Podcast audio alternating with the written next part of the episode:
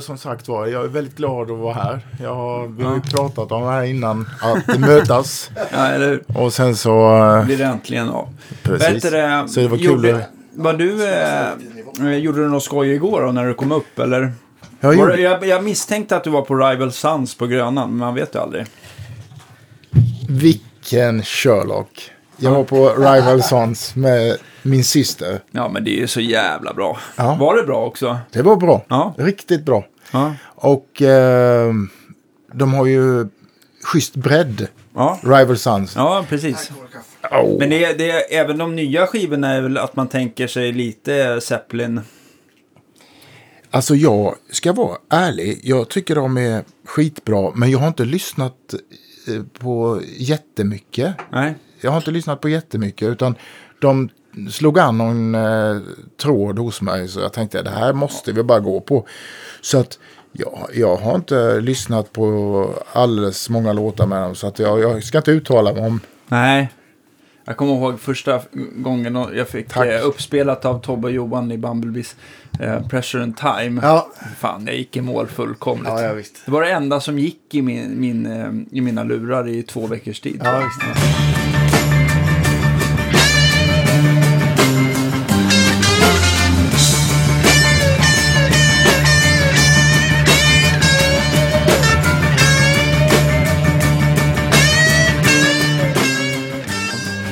Ah, ja, ja. Då så mina damer och herrar, det är dags. Eh, nu verkar det som att Gain eh, på kanal 1 står extremt högt där. Men, eh, Ja, men det, det ser bra ut på... jaha. Var, var det, ja men vi kör. Vi kör det. Nej, det ser bra ut. Förlåt. Det var jag som... Det, det är lugnt. Jag gasar på. Ja. Välkomna till Guitar Geeks podcast. Eh, vi har fortfarande eh, fått så här, eh, förfrågan på Facebook, så här, men vem är vem? Jag känner bara till ett rösterna. Och jag tycker att jag har liksom varit övertydlig med att det är jag, Daniel, som är IT med de långa fingrarna och att det är Andreas Rydman eh, som är Mr Mustasch med hela Sverige. Så att, eh, ja, eh, hoppas ni eh, kommer ihåg det nu. Ja, Ja, det är inte så jag tror att de flesta vet. Ja. Eh, idag har vi äntligen äran att få eh, en gäst från Jönköping. Eller är det. Huskvarna? Jönköping? Det är ju Jönköping. Ja. Grannstad med Huskvarna. Ja. Sitter ihop. Ja, Ja. det har växt ihop, eller hur? Ja visst. Ja. Jag har gjort det. Det här är väl eh, Sveriges mest framgångsrika, eh, eller Nordens mest framgångsrika, kanske Europas mest framgångsrika eh, Micke-lindare och det är nämligen Johan Lundgren. Lundgren Guitar Pickups, välkommen hit. Varmt välkommen. Ja, Tack så Det mycket. var på tiden. ja, Tack så mycket. Vad vad- vad kul. Vi, vi har ju pratat om detta länge. ja. Och eh, Vi bor här och du bor eh, i, i mitten av eh, Sverige får man nästan, eller inte mitten av Sverige rent geografiskt, men det känns som att det är en så här härlig knytpunkt Jönköping Ja. för att det är liksom lite nära till både enkelt att ta sig vart man vill i landet. ja, mycket enkelt. Ja. Mycket enkelt. Och, eh, eh, jag, var, jag var i Norrland i våras. Och Ja, det, det jag, är klart. Jag Det- kan, jag kan åt, eh, hålla med dig att som, som stockholmare och smålänning kan man tycka. ja, men Ja, nej. detta land är långt. Ja, Ja, Ja, ja. nej, alltså visst. Men ja, jag, jag trivs i Jönköping. Jag tycker det är fint. Och eh, enkelt att åka till Stockholm och eh, antingen med bil eller som... Jag åkte tåg den här gången. Vad Ja, ja, visst. perfekt. perfekt. Ja. men det är roligt att du gjorde så spontant besök till oss. Tack att ni Ehm, kunde ta emot mig. Och att, eh, att eh, du som alltid brukar vara en upptagen man och ringer man dig på en söndag morgon så brukar du ju vara typ i, någonstans och ha spelat. Ja, men jag, har, jag var faktiskt... Jag har, vi har precis flyttat så att jag har tackat nej till saker i helgen och har, har flyttat. Jaha. Så jag hade en bra vecka. Jag masterade min platta som kommer 4 september. Jag är Ja. skamlös reklam för mig själv här. Spännande. Då spelade jag på Fasching, så får man gärna komma. Och så sen flyttade jag. Här gjorde jag dagarna efter varandra, så att det kändes som att det var två stora, stora grejer som har varit planerat länge. Så. Ja, och sen så, men, men nästa vecka, då ska du Just det. spela på Stampen? Ja, va? precis. Det kom- Men eftersom det här programmet kommer sändas efter du har spelat på Ja. Stampen så kan jag ju fråga nu hur det gick. Det var skitkul, tack alla som kom. Ja, väldigt bra. Jag tyckte det var jättebra också. Ja, Ja, det talas ju om det där än idag. Flytta, flytta, flytta mindre, större. Större. Större, ja. Så du får plats med fler gitarrmickar från Lundgren Ja, kanske? exakt, Absolut, precis. det här är ju Ett som extra rum bara för gitarrmickar. Nej, nu spårar vi, spårar Ja. vi redan från början. Eh. Men, men Johan, hur, hur, hur kom det sig att du kom på att du skulle börja linda mickar? Var det... Hur, hur blev det liksom från att, jag misstänker att du kanske började fixa någonting själv, alltså, men sen har det liksom vuxit och blivit rätt stort. Hur började det liksom? Eh, den lilla korta början, eh, korta storyn om början här, så var det ju en tjutande telemick som jag hade, en Telecaster stallmick. Som jag köpte och, av en kompis billigt. Och så köt den och så fick jag med lite vax då. Och sen så vaxade jag den här micken. Men eh, den köt i alla fall. Man vaxar ju en mikrofon för att koppartråden ska ligga hyfsat still. Just det. Men eh, den köt i alla fall. Men jag provocerade den ganska kraftigt också. Jag tryckte på en dist, eh, distbox eller om var stärkaren i botten och så in i, i högtalaren med gitarren. Jag, jag provocerade verkligen micken och det köt. Och jag blev lite fundersam över det här, varför tjuter det. Så, till slut så kom jag på det att eh, det var ju den här bottenplattan på telemicken som inte låg riktigt still. ah, Så när jag fixerade den så, så eh, tystnade det. Alltså själva det här oönskade tjutet. Men mikrofonen funkade fint. Och sen så... Ja, då var det inte långt kvar till att köpa lite egen koppartråd och linda på lite extra, trimma den här micken. Okej. Så att eh, sen, sen var det igång. Så byggde jag min första telemick och min första statarmick. Och idag så är det kul för till till exempel Telens stallmick så gör vi alla delar själva. Toppplatta, fasa magneterna för hand, bottenplatta och även om vi då säger vad kommer under botten? Är det basen då eller baseplate? Den här i metall. Ja, den gör vi också själva. Ja, Och det gör, kul. ja, det är så kul. För det, då passar delarna. Och jag vet att det är rätt material och det är vårt. ja. Och kunden vet också att det här är genuin, genuint Lundgren, varenda detalj. Men Vilket år var det här du liksom eh, fixerade den här eh, första tele eh, baseplate? Eller induktansplatta eller vad man nu vill kalla det. Ja, fint, Ja. fint eh, och, och målande beskrivning där. Ja. Bra namn. Ja. Eh, det borde varit eh, 90-91. Så det är länge sedan. Ja, Ja. Och sen så... När jag hade gjort de här första mickarna då som jag hade liksom sågat ut i, i eh, eh, masonit och så topplattan var väl plast. ja. Sen så, det blev, funkar ju bra. Men det såg ju inte riktigt klokt ut. Jag har kvar dem. Ja, De vad kul. De li- ja, det är lite roligt. Och han kanske skulle göra någon eh, eh, museigrej med dem. De ser lite banan ut. Du kan ju åtminstone, innan du startar ditt eget museum kanske du kan skicka upp dem till Gitarrmuseet i Umeå. ja, just det. Ja, kanske hade varit kul. Det är Det får du fundera på. Det är inte, det är inte jag som ska bestämma sånt, Nej. men det var ju en, bara en tanke som slog mig. Det var en bra tanke. Jag, jag har en liten hörna på eh, Gitarrmuseet i Umeå. Och, Ja, eh, du ser. det, det, det känns väldigt, väldigt bra. Och de tog emot mig eh, otroligt fint i våras där. Eh, och eh, det var så kul att vara där uppe. För jag har faktiskt inte varit så långt upp i Sverige innan. Och eh, jag hälsade på Sweden Guitar Works. Just det. Leif Jakobsson, Ja. gitarrbyggare. Han har jobbat länge, duktig kille. Ja, Ja, det är verkligen. väldigt bra. Han bygger ju, han bygger har ju byggt gitarrer till Strandberg till exempel. Ja, han gör alla deras custom shop, tror jag. Ja. Till exempel. Och han, han, eh, ja han har ju många strängar på sin lyra. Ja. Så att, ja, men det är en duktig kille, trevlig kille. Och så var vi också på museet.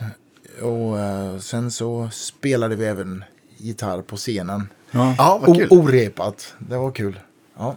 Men, men eh, vad jag har förstått så har du, eh, som gitarrist så är väl du, eh, liksom, du spelar väl mycket punk en gång i tiden va?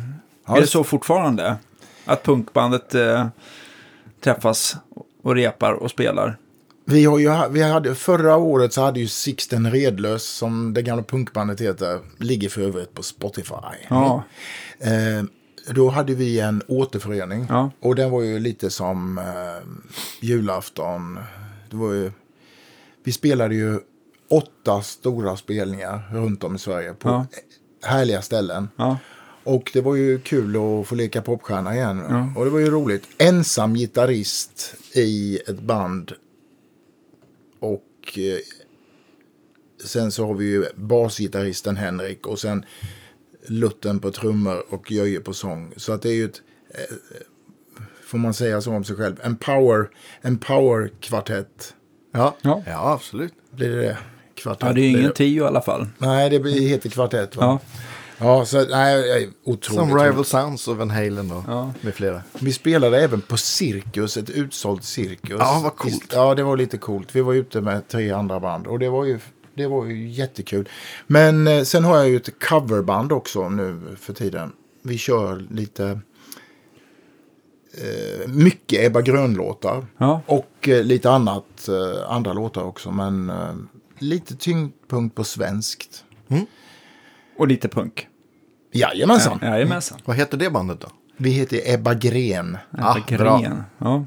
ja, då förstår man ju. Då kunde man misstänkt att det skulle bli en del Ebba Grön-låtar. Ja. Ja. Men, men jag tänkte, nu, nu stod det still, eller nu börjar jag fundera här. Van Halen, fyra personer. Har inte de med synt live, tänker jag? Det Nej, det, de- det är på tracks. Är det på tracks allting? Eller då Sammy Hagar sjöng så spelade faktiskt Eddie Keys och Sammy Hagar spelade gitarr och sjöng. Jaha.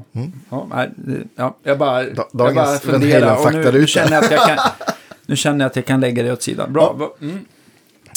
Eh, Ebba Gren. Vad kul. Vad, Ja. vad kör du då? Är det, är det Gibson eller?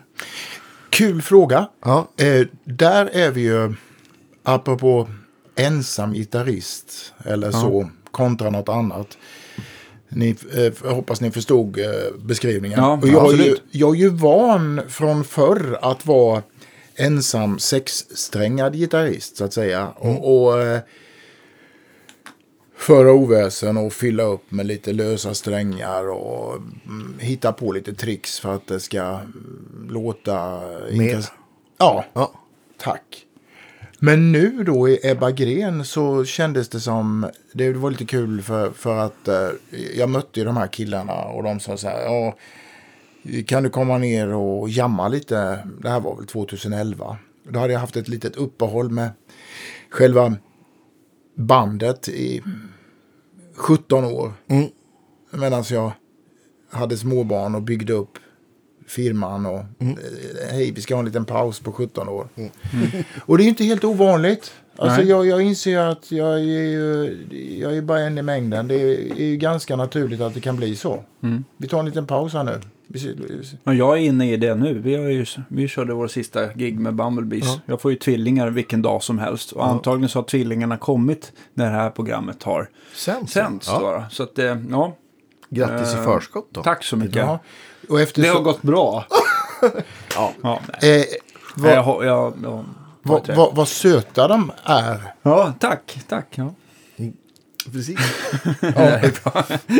Nej, så att jag vet precis hur, eh, nu har jag gått in i min paus i alla fall, så att jag känner att det är nödvändigt för att jag har eget, eh, egen eh, ställe, Guitar Geeks, podcast och Snart fyra barn. ja. Och en fru. Ja, och det är liksom, då var jag tvungen att skära någonstans och det känns ganska bra just nu. Eh, att, eller jag var tvungen att lägga någonting åt sidan för att resa iväg och det är fyra barn hemma, det går liksom inte. Nej. Men Nej. grattis. Tack. Det, det brukar ju bli bra. Saker brukar ju ge sig. Eh, på, på något vis. Och eh, det var ju någon tokstolle, vem det nu var, en härlig kille. Eh, som hade massa projekt för sig. Som jag läste om häromdagen. Hur kan jag glömma namnet? Men det var ju så kul. Så, Åh, du har så mycket saker för dig. Nej, det var väl Janne Stark var det ju. Mm. En trevlig kille och gitarrist. Han, han sa en helt underbar grej. Eh, sa han, hur, hur hinner du med allt? Ja, hade jag bara haft ett projekt så hade jag inte haft någon lucka. Men om man, om man har två projekt så får du en lucka emellan. Ja. Och där kan du klämma in, och där kan du klämma in ett projekt. Och jag har... Det sa jag jobbar. Ja, ja, Andreas kläm, gör så med. Så har man då fem projekt, då blir det ju, då blir det ju minst fyra luckor emellan. Det är nio va? Ja. Ja, det är underbart. Det var bra. Den ska jag sno. Det gick toppen. Vi, vi spårar, spårar ur hela tiden. Va- Vi var på gitarr. Men är vi inte kända för det? Jo, det är bra. Det är, Ja. det, vi, det är det vi gör. Jo, men...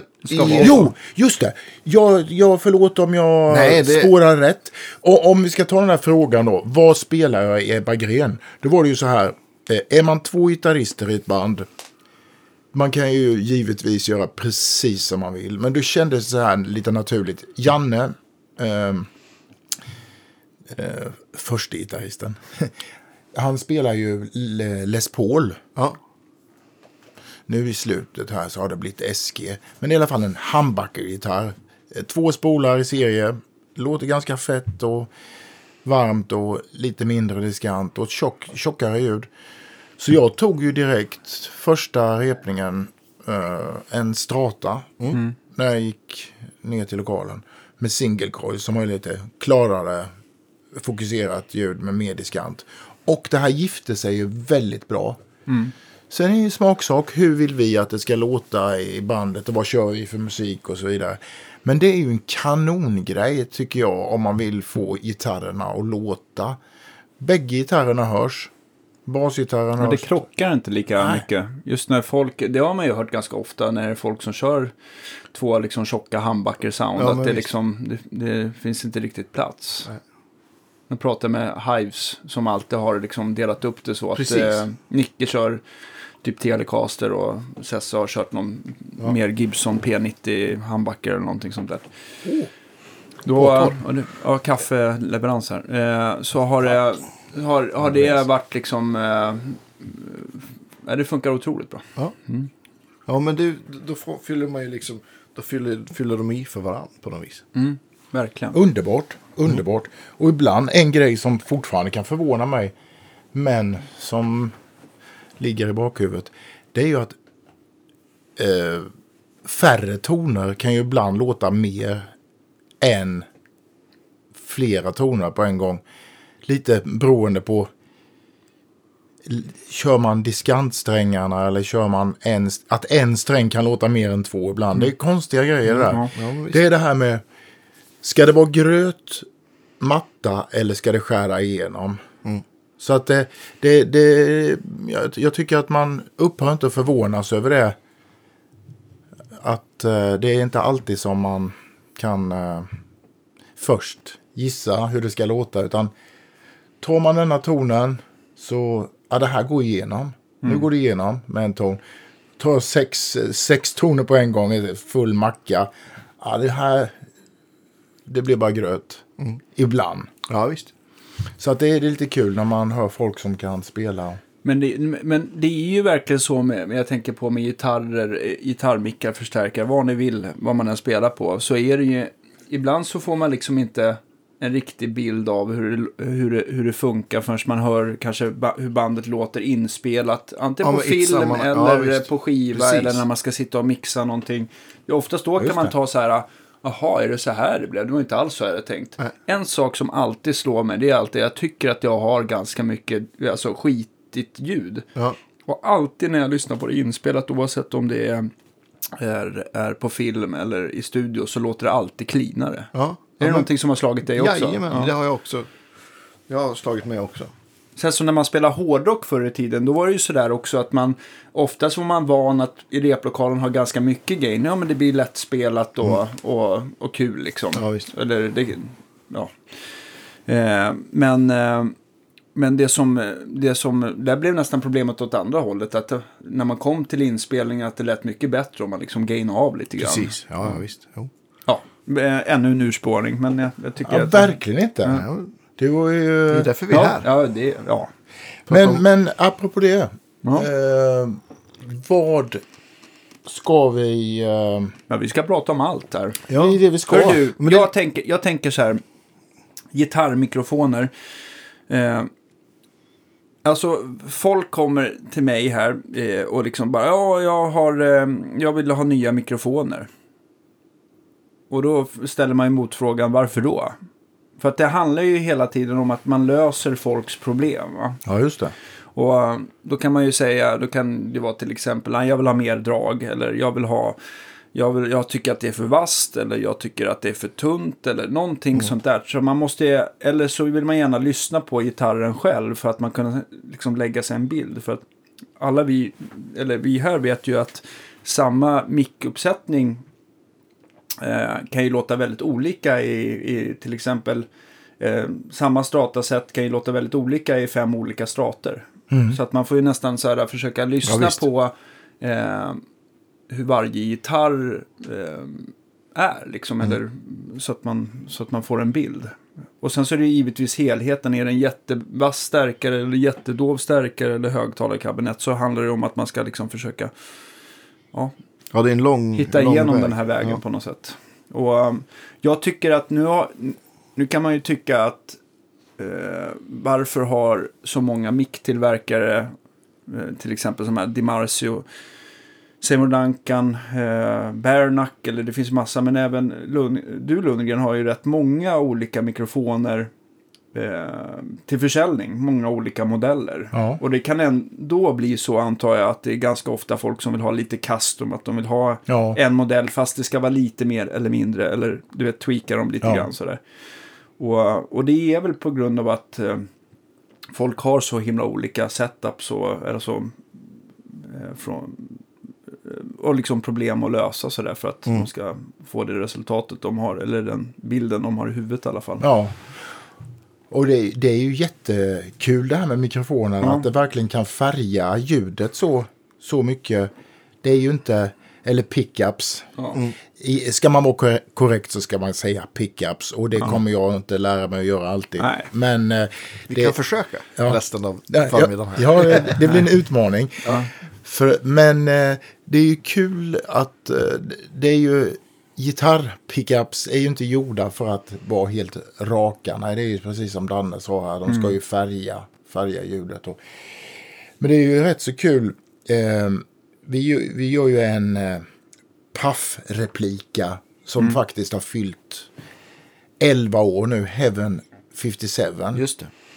Men det, eh, jag, jag har ju eh, provat, inte alla dina modeller eller Nej. någonting sånt där, men händer det, händer det så som till exempel den här Heaven 57 att du har tweakat den lite med på de här 11 åren? Eller är den exakt likadan i, idag som den var dag ett? Liksom? Eller har du liksom, tycker du att du har förbättrat små detaljer? Eller? Alltså det, det, var, det var en bra fråga. Eh, I stort sett så är den ju eh, eh, som den var dag ett. Men eh, några små förbättringar har nog gjort. Alltså, För jag tycker nämligen, för jag, jag lyssnade på den första gången Ja. den kom ut. ja, Och jag upplever att de, men jag, nu ska jag säga att det är med reservation, men den 57an du gör idag upplever jag som att den har mer dynamik och att den låter lite öppnare. Men jag har ju liksom inte jämfört den med den gamla, men min liksom, hur ska man säga? Att man Ditt har liksom, ljudminne. Mitt ljudminne säger att, du, att den har blivit eh, mer som jag vill ha den med, med tiden. ja, men vad kul. Alltså, Ja. det, var, det var jättekul att, att höra. Alltså, Ja. det, Och därför undrar jag just, är det någon skillnad? Eller är det bara i mitt Ja. hjärnspöke? Jag har nog sminkat, jag har nog sminkat den lite för att jag, jag är liksom sugnare än någonsin. Det kan ju vara sådana här grejer som, vi har ju bytt ut plasten i, eh, Bobinen? ja, Ja. det är ju så sjukt som att i, i början så hade vi ju då eh, någon vanlig sån här PVC-plast i de här bobinerna. Men de sista åren har- så har vi haft den här gamla äkta 50-talsplasten Butterate Plastic. Som luktar lite sur, sur mjölk. Okej. Jag, jag, det är därför man stänger in den i en kåpa. jag tycker det luktar underbart. Mattias som bygger mickar tillsammans med mig, han tycker det luktar illa. Ja. Så du får göra alla paffar helt Ja, enkelt. ja, precis. För, för en som som inte kan terminologin då. Bobinen, vilken del av Alltså det, mikrofonen om är man ser... Om man, Bra! Ja. Alltså, i, vad jag förstår så är bobinen, den, alltså, även på en telemick, den, den liksom toppplattan där kallas väl bobin. Precis som handbackerns Ja. plastdel kallas för bobin. Va? Så det är själva eh, bobin är... Stommen på något sätt. Ja, där. exakt. Okej. Mm. Spolstomme. Ja. Antingen då toppen och botten och en kropp ihop. Ja, och, och som Daniel säger då, toppen och botten ihop med magneterna. blir ju en, Men jag tänker att det är väl lite olika på en Puff jämfört med en, med en eh, Fender mick. För om man tänker, Exakt. bobinen är ju liksom delad på, alltså att du har toppen och botten på en Strata mick. Medan en humbucker, där är ju liksom, då ska man säga att hela bobinen är ett stycke. Tråden ligger alltså inte direkt mot magneten. Ja, just det. Ja, Bra, bra där. ja. och och det, det var ju... Det var ju fint att du berättade. För Ja. folk gör ju, apropå spåra, folk gör ju felet ibland när de gör det de inte får göra. Man, man ska ju inte justera höjden på en strata eller telemick. Nej, det är, då är det risk Själva att, polerna att alltså. innervarvet går av. Alltså Själva att du slår, polen. att du, Ja, att du, ja förlåt. Ja, eh, själva polerna. Man får Ja. inte trycka magneterna upp och ner. För då, det, det finns många som har tagit sönder mikrofoner på det. Men man, Framförallt om du gör det på E6 eller E1. Där, alltså Ja. där tråden liksom ligger vilandes mot kanterna. Exakt. Eh, Gör du det på G-strängen, det har jag faktiskt gjort någon gång. För att oftast ligger G-magneten så här på 50-talsvis lika högt som D-magneten, lite högre i mitten. Mm. Och då kan det bli så att G-strängen blir mycket starkare i volym på ett rent ljud i alla fall. Mm. Än, vad, än vad den lindade D-strängen. Kan man trycka ner lite grann. But don't try this at home. Mm. Det kan gå sönder. ja, det kan Ja, gå sönder. Så jag tycker att eh, det... Det är bättre att man, man beställer en mick av dig att man vill ha lite lägre G-sträng Ja. från början. Då blir det... Man kan också svaga av en magnet genom att provocera en magnet. Jaha. Så det, det, går ju, det, är ju ett, det är ju mer att föredra i så fall. Att man, och, och hur svagar man av en magnet? Då, då gör man så att om det till exempel är sydpol uppåt på en mick. En strata-mick. Om du utsätter den för sydpol med en annan ma- magnet så blir den lite svagare. Men det är ju, det är lite samma sak här också. Det går ju att rätta till men det, det går ju lätt att köra vilse i detta också och kanske ta bort all magnetismen. Så jag rekommenderar inte det heller egentligen. Men Det låter farligt. ja, alltså det, det går ju att rätta till men det är ju bättre än att trycka på någon. Men, men för att återgå till din fila, fina puff där som ni har Ja. butterate plastic eller i bobinen där. Ja. Eh, är det någonting annat som skiljer sig? Jag tänker ju också att eh, jag förstår ju att antal varv och sånt där, det kan vi snöa in på alldeles strax. Men någonting som, eh, någonting som gör extremt stor skillnad är väl vilken magnet man väljer på, eh, s- till puffen. Hur, Ja, det gör ju oerhörd skillnad alltså. Vilken... Nästan mer än att det är några 500 varv hit eller dit. Ja, det, det håller jag nog med dig om. Alltså, Magneten har ju en oerhörd betydelse. Och då, då måste jag säga det att jag har haft samma, samma leverantör av magneter. Och jag, jag sa ju inte vad jag hade för, för magnet i Heaven 57 Nej. eh, i många år. Men eh, eh, jag tror inte jag har sagt det än idag. Eller har jag det? Nej, det beror på om du vill avslöja det eller inte. Men i, i Heaven 57 så är det en, Alni, ah, i- en Alnico 4-magnet. Ah. Och det låter ju helt rätt alltså. Det är ju, den är ju relativt eh, rak, eh, jämn, men ändå sprillig i diskanten. Och okej output. Så, och låter träig ihop med den här linningen. Så att eh, det, det är den bästa till, till det önskade ljudet där. Ja, just det. Får jag fråga? Det, Ja. alltså, det finns ju det vanligaste om vi nu pratar om Alnico-magneter. Det är väl... Eh, det är väl, för det är väl sammansättningen som man kallar, varför man kallar det för Alnico. Det är väl att det är aluminium, nickel och kobolt va? Stämmer bra I det. olika, Ah, i, olika, I olika mängder. Och jag har för mig att den som är starkast, som man brukar se i gitarr, i gitarrmikrofoner finns väl något som heter Alnico 8, fast det är ganska ovanligt. Jag vet Ja. inte om det är någon som du har använt. Jag har lyssnat på några stycken och inte blivit så här jätteglad i dem. Men, men, men, eh, men jag tänker på den som vanligtvis är den som kallas för lite starkare. Om, det, man, säger att den, om man säger att man laddar dem så mycket man kan, de här magneterna, så är väl femman den som sta, eh, har mest drag i sig. Så Det, stäm, det stämmer bra det. det stämmer. Och, och fyran har lite mindre. ja.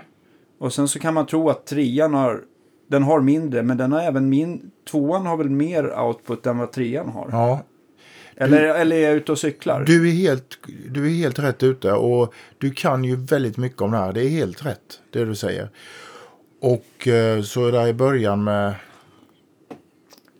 Börjar vi underifrån. Ja. Med risk för Mm. att upprepa vad du sa. Så Ja, men- Med lägsta till högre så börjar du på 3, 2, 4, 5. Ja. Precis som Daniel sa. Fast Om, om, vi tar, om du tar den ordningen igen och så, och så tänker man tonal karaktär. Eh, då, då skulle vi kunna ta den ordningen igen. Om vi börjar med trean. Då. Så eh, den, är ju, den är ju ganska svag. Eller den är ju som sagt var, den är ju svagast. Ja. Och eh, tonal karaktär, alltså det, det är ju lite mer järn i trean, alltså paradoxalt nog. Mer järn betyder ju högre induktans och borde betyda mer output. Men det är ju i kombination med själva magnetsuget så är det ju en, är det ju en samverkande faktor. Så att det kommer ju lite träghet skulle jag vilja säga, lite midrange av den här järnmängden som är härlig. Men det finns ju också en viss luftighet, en stor luftighet och briljans i och med att magneten är så svag. Just det. Så det blir lite komplex beskrivning där. Ja, precis. jättebra. Men det, vi gillar komplexa Ja, det- beskrivningar som egentligen kan tolkas på massa sätt också. Ja. Det är kanon. Nej, men, nej, men jag, jag upplever ibland som att trean, visst är den som du säger, man upplever den lite snällare, men om man, om man nu vill ha ett snyggt så här lite öppet, nästan så att man får sin eh, eh, handbacker att den ska sträva li, att bli lite mer singelcoilig Ja. i karaktären så, så kan den kanske vara trevlig. Ja, mycket bra beskrivning. Och eh, skulle jag, vilket jag ibland har eh, föreslagit och även sålt några sådana här, skulle jag tweaka en Heaven 57 halsmick när folk säger ja, jag vill ha jag vill ha en lite, lite svagare halsmick. Ännu svagare än du gör eh, än den är. Då, då så byter vi ibland ut den till en Alnico 3 Ah. i halsläge speciellt. Speciellt i halsläge. Det är som en liten, det är en liten bonussvar där. Ja, Och, Ja, absolut. Det kan bli väldigt snyggt för att nästan strängen svänger ju mer uppe vid halsmicken som eh, säkert alla har konstaterat. Och därför blir ju nästan en... Man vill ha en lite svagare mick. För har man två jämnstarka mikrofoner det blir ju nästan som när man slår över till halsmicken. Att det blir normalt starkare då, output. Och jag känner själv när jag justerar gitarrer att man vill nästan ha lite mer drag. Att det liksom... Att det, mm, att det driver lite mer i stallpositionen. Och det går givetvis att justera med mickhöjden och sånt där också. Men jag tycker att det en mick, den är ju nästan så här, den har ju ett avstånd till strängen där jag tycker att den låter som bäst. Och där vill man väl kul. lägga den. Det, det, det där måste vi återkomma till. Ja, för det, absolut. där jag f- f- funderat och pratat med, mycket om det här med höjd. Om vi fortsätter då. Efter Alnico 3. Alnico, så, så är det Alnico 2 Ja, som eh, alla lyssnare kommer ihåg. Ja. Och då så, den är, ju, den är ju känd för att ha lite avrundad diskant. Den är ju betydligt lugnare i diskanten. Okej. Ska man eh, prata negationer så kan man säga att den har, har lite trött diskant. Ja. Ska vi prata positivt kan man säga det, att den har avrundad diskant. precis. Lite beslajad i toppen. brukar, inte, brukar inte folk som vill ha liksom lite mer kompression välja Alnico, fråga efter Alnico 2 Det, det var nog en bra, ett bra ordval. Eh, Alnico 2 har ju lite mer eh, en liten puckel i mellanregistret skulle jag vilja känn, skulle jag vilja säga. Ja. Och i kombination med den här avrundade diskanten. Och eh, den är ju... Eh, och inte jättefokuserad i basen. Men sen är ju detta också en liten kombination med lindning och så vidare. Men om vi, Ja, precis. Ja. om vi ser eh, den här jämförelsen vi tre gör här nu. Det är ju med det är ju en, en tänkt mikrofon med alla andra parametrar lika. Samma, ja precis. Det är ju så vi... Att du har en Heaven 57 fast vi bara, vi bara drar ut och sätter i en annan magnet. precis. Ja. Det är underbart. Och sen kom, eff- då är det fyran sen då? Härligt. Och då känner jag så här att eh, fyran är lite försiktigare i basen. Eh, alltså en, ja, vad ska jag jämföra med? Nu jämför jag kanske från fel håll, men Från femman. Ja. jag jämför det kanske uppifrån från femman. Ja. Så är den, fyran är ju lite lugnare i basen, helt klart. Alltså, jag tycker ibland handbackgitarrer kan bumla igenom i basen. Och det, är- det är ju en annan sak som man kan fundera på. Eh, det är ju också ett litet generaltrick. Eh, ska du ha ett bra elgitarrljud, vrid ner basen på din förstärkare. Men det var en liten annan sak. Det gör ni som ni vill. Eh, spelar man ensam kanske man ska ha mycket bas. Men spelar man i band och med fler gitarrister och en basist så är det ett bra Verkligen. knep. Och jag tänker också om en annan parameter. Om man har, om man har kanske en live, tänker jag, där man kanske har som minst tid att liksom stå och ratta gitarrljud.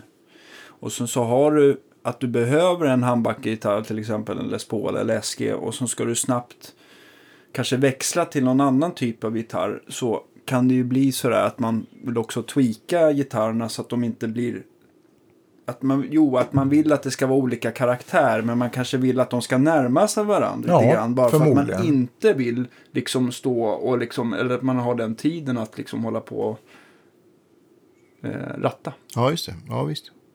Men eh, ja, det är bara en liten parentes. Folk har kanske löst det där med pedaler, jag vet inte. Men, Och, och vidare med fyran, den har ju en ganska härlig diskant. En skir diskant, lite sprillig diskant. Eh, den är ju... Eh, den är ju ganska pigg, tycker jag. Och eh, mycket, mycket härlig magnet till till exempel då Puff. ja. Sen är det lite beroende på hur man vill att ens Puff ska låta. Men så, så känner vi. Och den är mycket populär, Heaven 57. Ja, som då verkligen. har denna magneten. Har avslöjat det. Shit. ja. Breaking news. Nej, det är bra. Och så kommer vi upp då ett steg upp till femman. Ja. Och det är ju precis som ni sa innan där. Jag tror det var Daniel som sa det att femman är kanske den vanligaste magneten då i gitarrpickups. Och eh, i, i våra single coils så använder vi väldigt mycket f- femmor i stavar. Men nu pratade vi om de här eh, blockmagneter i humbuckers. Då, eh, om vi kommer tillbaka till femman där. Så eh, den är ju stark. Och det ger ju också mycket utsignal. Som man på engelska kan kalla för output. Eh, skulle jag vilja påstå. Och eh, då så. Den är ju ganska kraftig i basen och diskanten också. Kanske. Alltså det ger ju mycket signal. För, för en, en pickup handlar ju om att eh, metallsträngen stör ju magnetfältet så det induceras en spänning i spolen. Och då är det ganska logiskt att är magnetismen, är magneten starkare så får du en starkare pickup. Just det. Och eh, det där, om jag ska, eh, apropå breaking news. Nu är det sjukaste i hela nörderiet, det är ju det att det finns ju inte bara en styck Alnico 5 heller. Såklart. Det här, nu är det så Nu. intressant så att... Ja. Oj, oj, oj. Okej. Nej, det, det var mer än vad jag visste. Vi, Ja. Åh, Underbart. Så att ska du ha en Alnico 5 som ligger i det svagare häradet eller som ligger i mitten av Alnico 5 eller ska du ha en starkare Alnico 5? Nu fick ni något att suga på. Det, det finns alltså olika legeringar på femman också. Så där, nu har vi alltså gått in i... Nu ska vi, nu ska vi rangordna femman också. Underbart. Men alltså, det här, det här, Jag har aldrig myst så mycket Nej, i en podcast. Nej. Underbart. det här är ju... Det här är ju eh, vi ska gå in i molekylerna. Ja, vi ska bra. gå in innanför molekylerna. Vi Ja, ska bra. gå in i elektroderna. Ja, vi ska gå in inne i elektroden. ja, precis. Det är bra. Det är där vi vill vara. Ja. Nej, men vi, vi, vi kanske... Det kan vara bra att känna till det, att, att det finns lite olika eh, femmor också. Nu gjorde jag det jobbigt för er och det känns så skönt för det får mig att känna mig lite tryggare i mitt liv. Underbart. Ja, det är bra. Skadeglädje är den enda Ja, sanna Eller vad säger? Vad fint. Ja. ja, nu måste du fortsätta. Nu är jag så nyfiken så jag spricker här. Nej, jag vill inte veta. Det var dagens Ska, lögn. ska jag trycka Ja, stopp? Nej, Nej. får stryka det.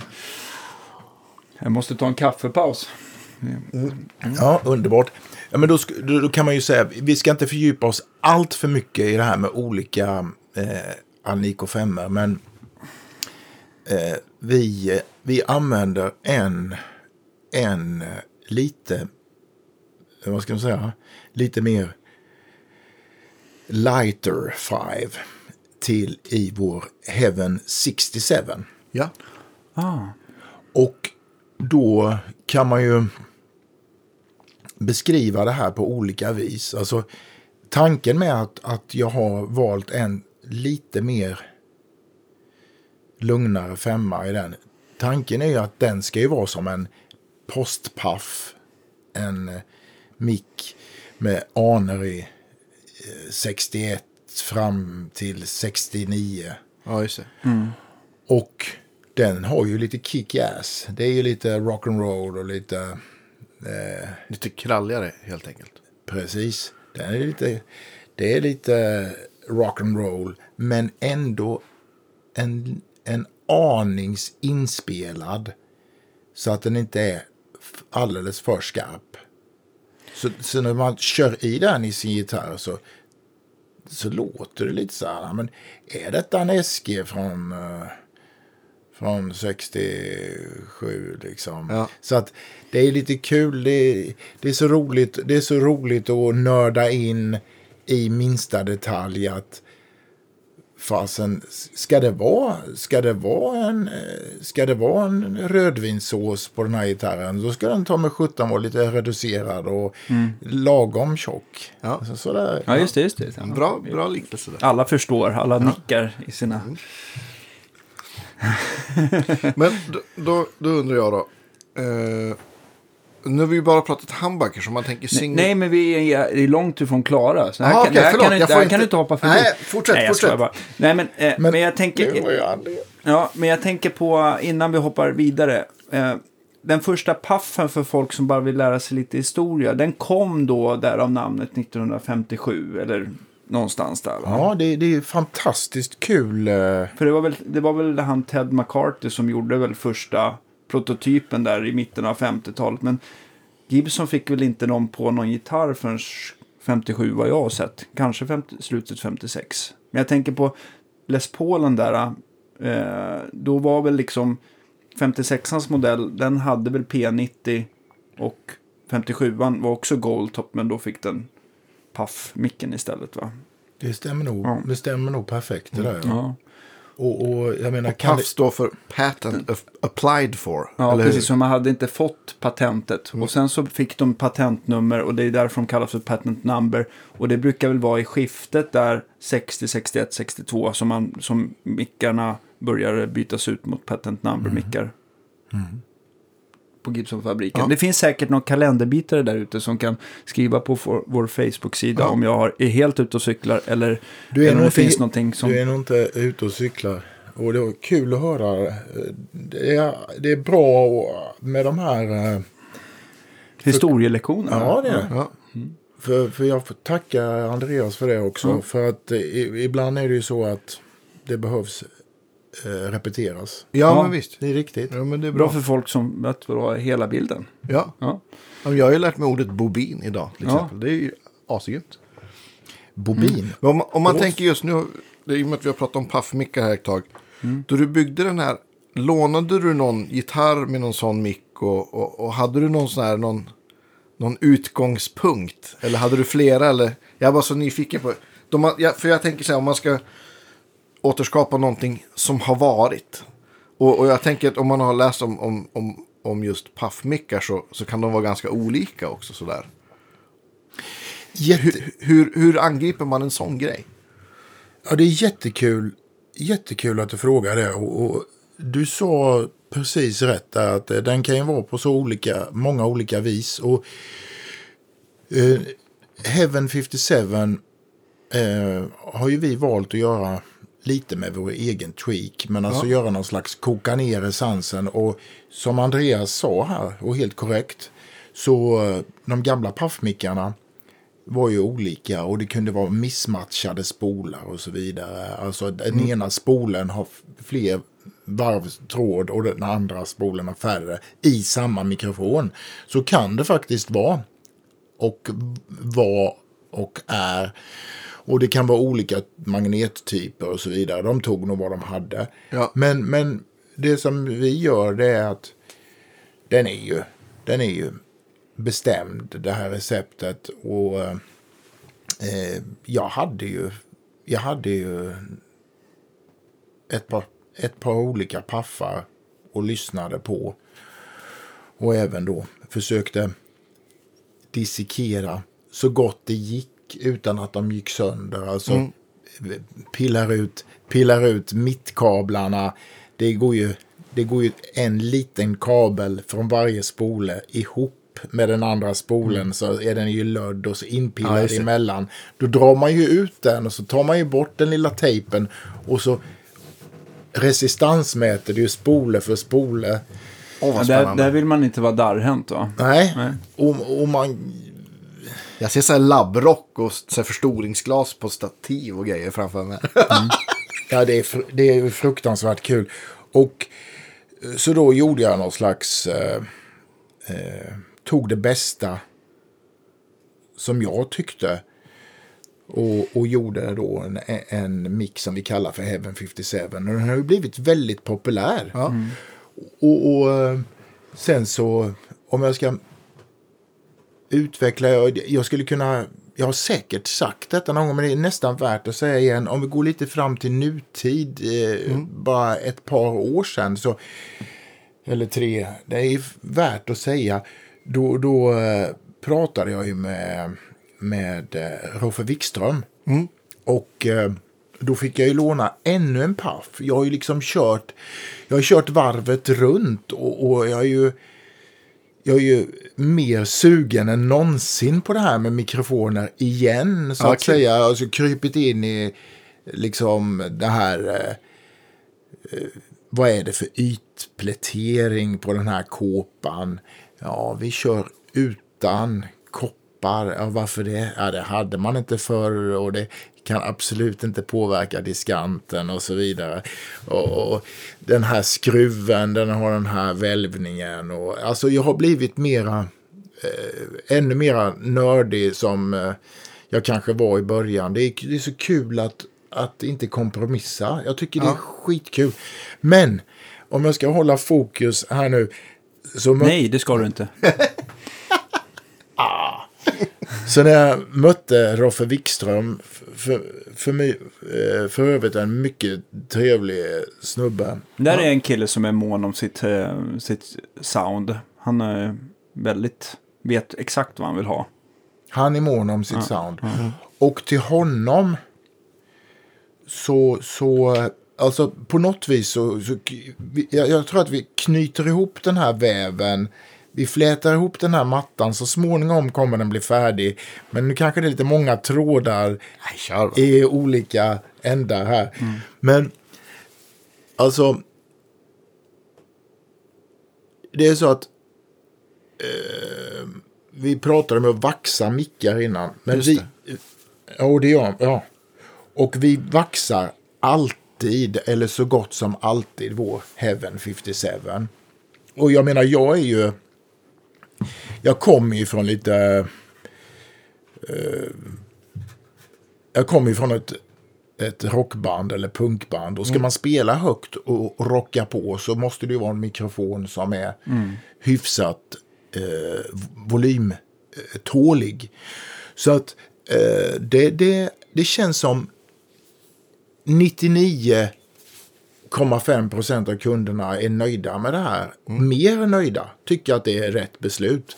Men jag vill ändå nämna för de här nördarna som vet eller inte vet eller vill veta att förr så en del av er känner till att då vaxade man inte de här eh, pickupsen, Nej. paff-mickarna.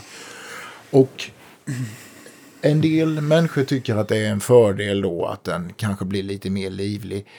Men det kan ju vara så att vid sovrumsvolym eller lagom volymer på en hyfsat clean stärkare så kan det ju kanske vara så att den är lite mer livlig och, och eh, kan fungera. Du kan ju nästan sjunga i den kanske. Men Trycker du däremot på en distbox eller spelar starkt, då kommer det bara tjuta alltså okontrollerat, inte speciellt kul. Det beror på vad du är lagd åt för håll i och för sig, men vi gillar väl feedback. Men det ska väl vara kontroll på den, hyfsad. Men den här, det här tjutet som uppstår när det inte är vaxat, det är ju väldigt obehagligt, det är så högfrekvent.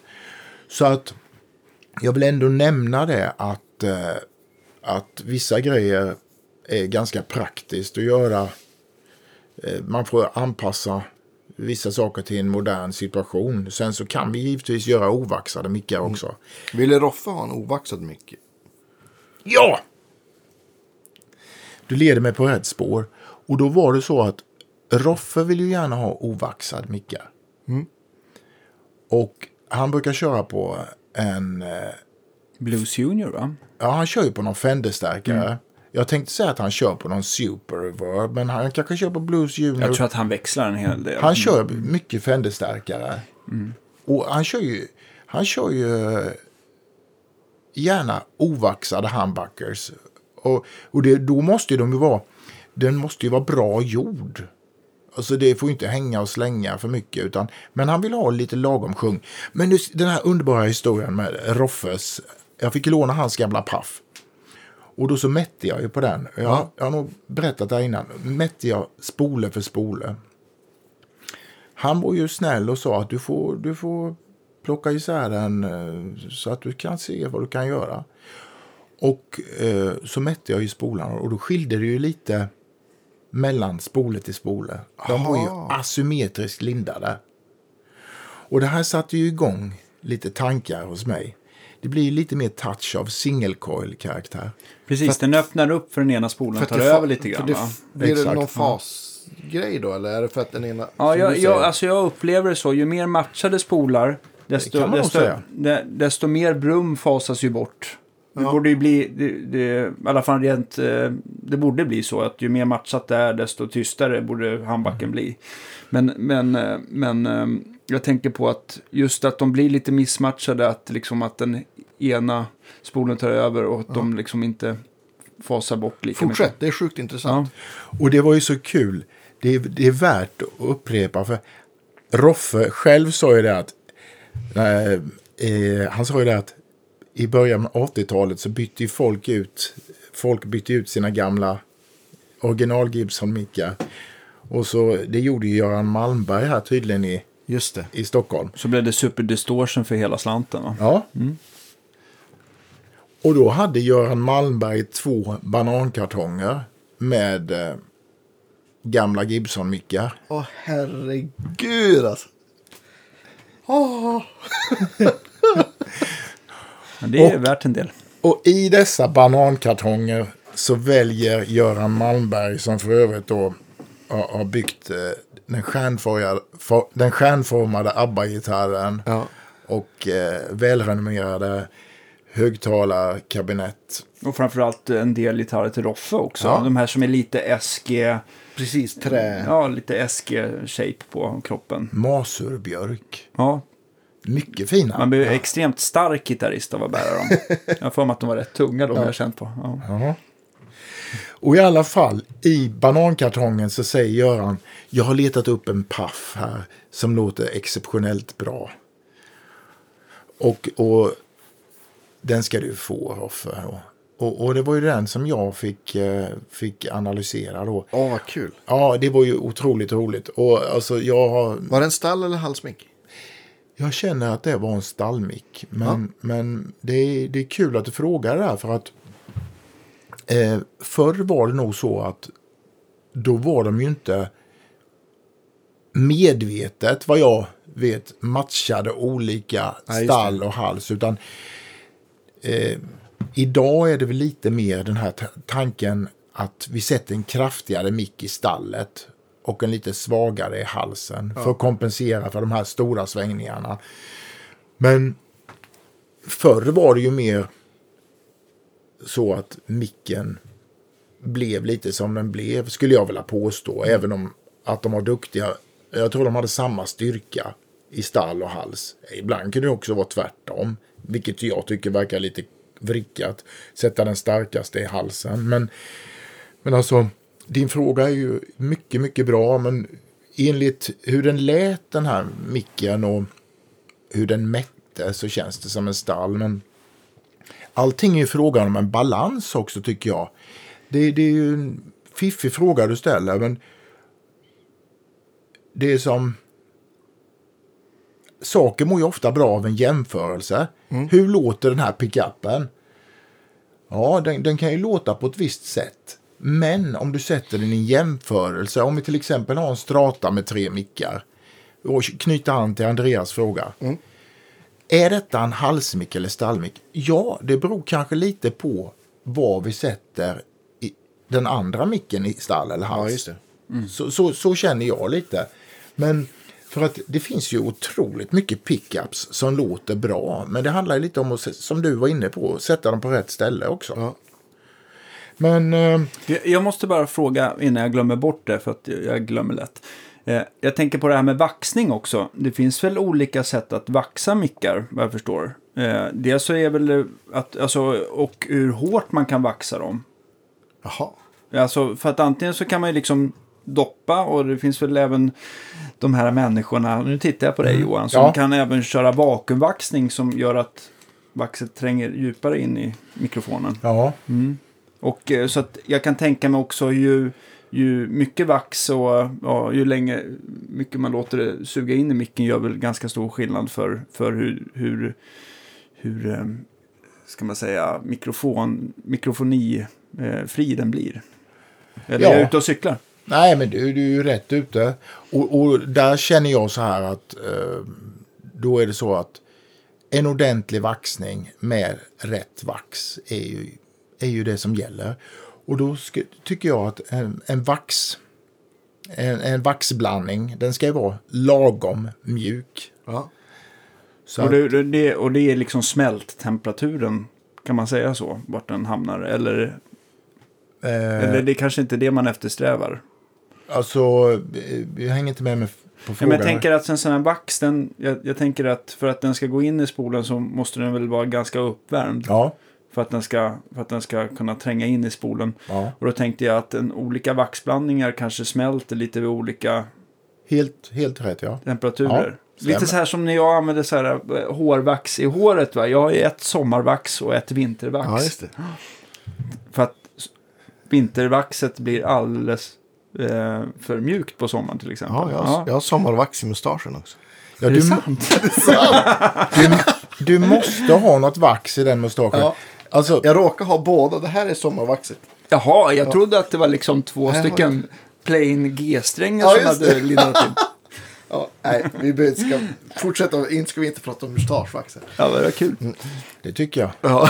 Men, men, eh, men är det så, jag, Ja, vet, men- inte, jag vet inte om jag är ute eh, och cyklar, men vax, är det egentligen, det är väl en blandning av två produkter Ja, oftast va? det är, det är ofta en blandning av två produkter och det, det påverkar ju det påverkar ju hur den eh, fungerar också. Då, jag känner det att Det är hemligstämplat. Nej, det är inte så hemligstämplat. Men en, en, en hyfsad blandning av bivax och paraffin. Ja.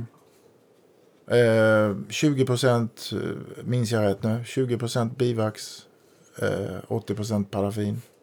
Vad händer om man kör 100% paraffin? Är det att den smälter tidigare eller senare då? Ja, den, smälter, den smälter lite vid högre temperatur. Ja. Plus, tycker jag, fråga mig inte om detta är kvasikunskap, men det är så, Det det är- nej, så det jag är jobbar. viktigt. Det känns som det blir lite för hårt. Ja, just det. Det är lite för hårt och sprött. Och, ehm, om vi nu snackar en dynamisk mick, för att återknyta till Da- Dannes första fråga där, hur mycket du kan vaxa och så vidare. Ja. En mick, en pickup kanske ska ha lite, lite subtil rörlighet i sig. Och där kommer vi in lite på det här med s- segheten i bivaxet. Och visst, det, det är små, små detaljer. Men det är de små, små detaljerna, många små detaljer. Ja, men precis. Ja, men så är det ju. Ja, det blir inte bra med rent bivax heller. Nej, men det, det skulle man kanske kunna ha, men eh, det, det är också en vettig fråga. Det blir för mycket getingdist. Förlåt.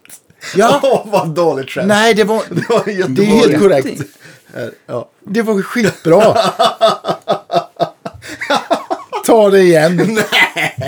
Nej, gör Ja, inte. Nu vi Var, varför har vi inte bara eh, bivax? ja. För då blir det getingdist. Ja. Ja, ja, precis.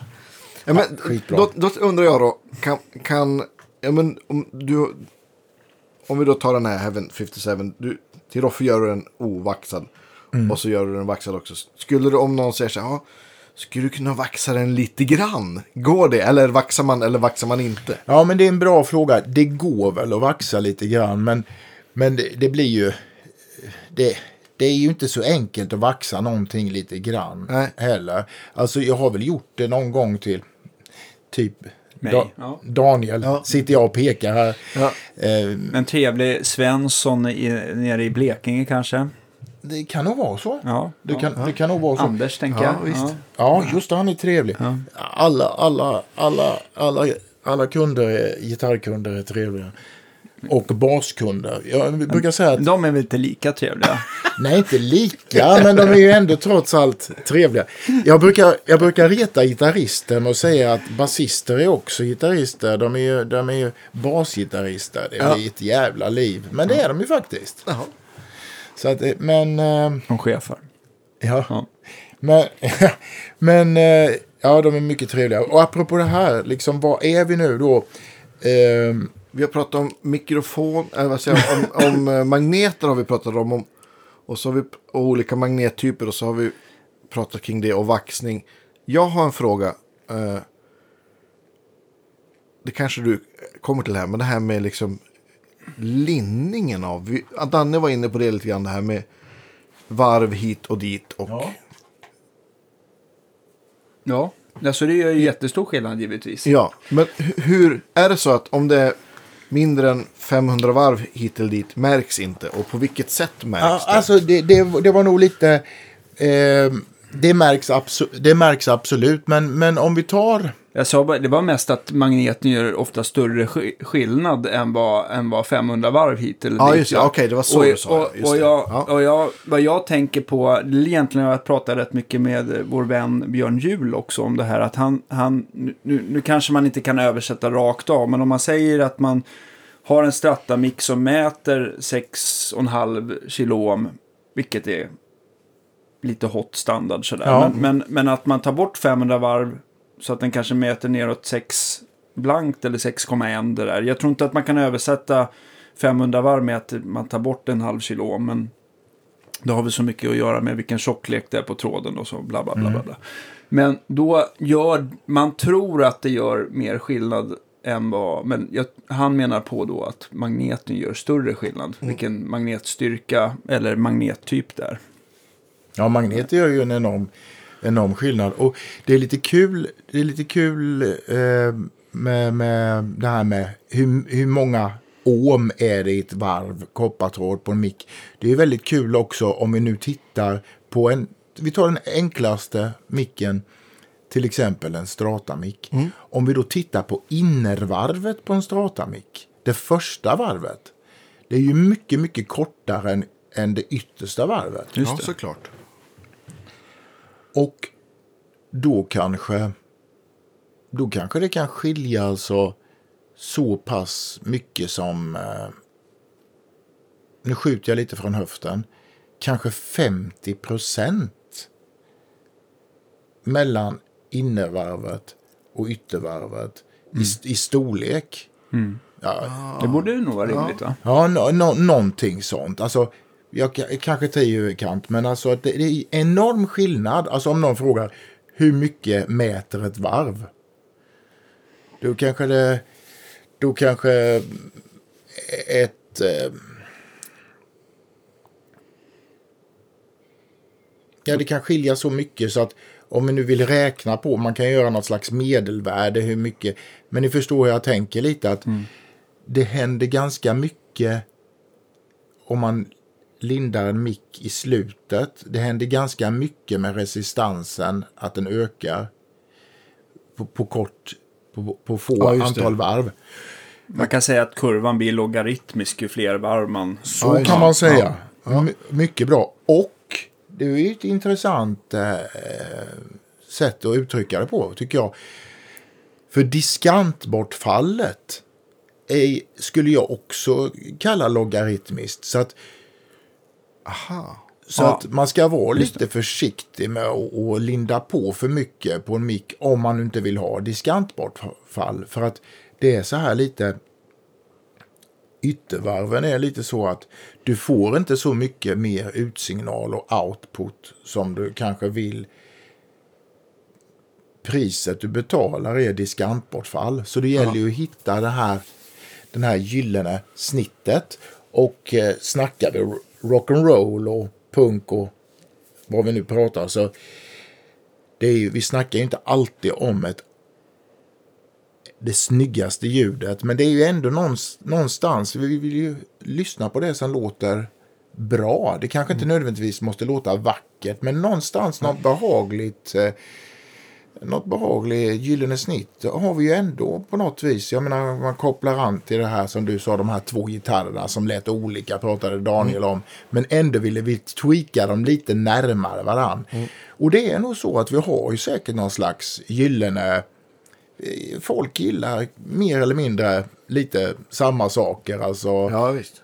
på, på något vis. Jag menar okej, det är tusen eller en miljon olika smaker. Men alltså det är ju ändå är ju paletten någonstans inom eh, något som vi tycker om. Så att det där det är lite filosofiska tankar. Jag, tänk, jag tänker också på handbacker som för att eh, som är de här high gain mickarna som man ofta stöter på. Ja, Då brukar det ju oftast vara att de både har många varv spoltråd och de mäter mycket därav. Och sen så brukar de ju oftast ha starkare magneter. Men Ja. de brukar ju i överlag låta att man, alltså på rena ljud så upplever man dem som att de är, blir väldigt m- mellanregister dominerade och väldigt avrundade i diskanten. Att, Ja. att, att det liksom, de blir väldigt trista på mm. cleana sound.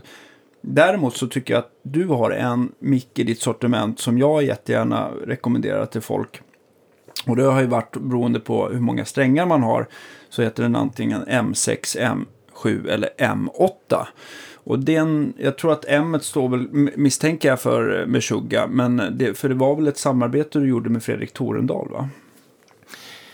det var helt klart ett samarbete med Tordendal och Meshuggah. Och de har ju kört på den här micken sen sent 90-tal. Och det är ju ett bra tag nu. Och det roliga med M det är ju att M kan ju stå för många saker. Ja. Det kan ju stå för Meshuggah. Det kan ju stå för metal. Det kan stå för något helt annat. Mamma. Ja. Och det, det känns så kul att du tar upp den här micken för att den, den fungerar till så mycket mer än metal. Och det går ju faktiskt, som du antydde, köra hyfsat cleant med den också. Och själva grundidén med den var ju att detta ska vara en mick med hög output men som ändå låter klar Ja, och med risk för att vara subjektiv låter bra. precis. Och det känns så fantastiskt kul att sitta liksom drygt 18 år efter uppfinnandet av den micken. Och folk kommer då fram till mig, eh, folk med betrodda öron. Till exempel Tommy Folkesson, eh, gitarrförstärkare, ombyggare i, i Jönköping. Eh, han har ju flyttat ner dit nu. Sen, den här låten, den, äh, äh, den här micken låter riktigt bra, säger han. Vad bra det låter, säger han. Jag skulle nog också kunna sträcka mig och säga att det är nog kanske den enda high gain-micken eller high output-micken som jag tycker har någon form av öppenhet. Ja, men den är balans, känns balanserad. Ja, den är jag testade den hemma hos Björn Juhl första gången och, och sa, vad är det för mick?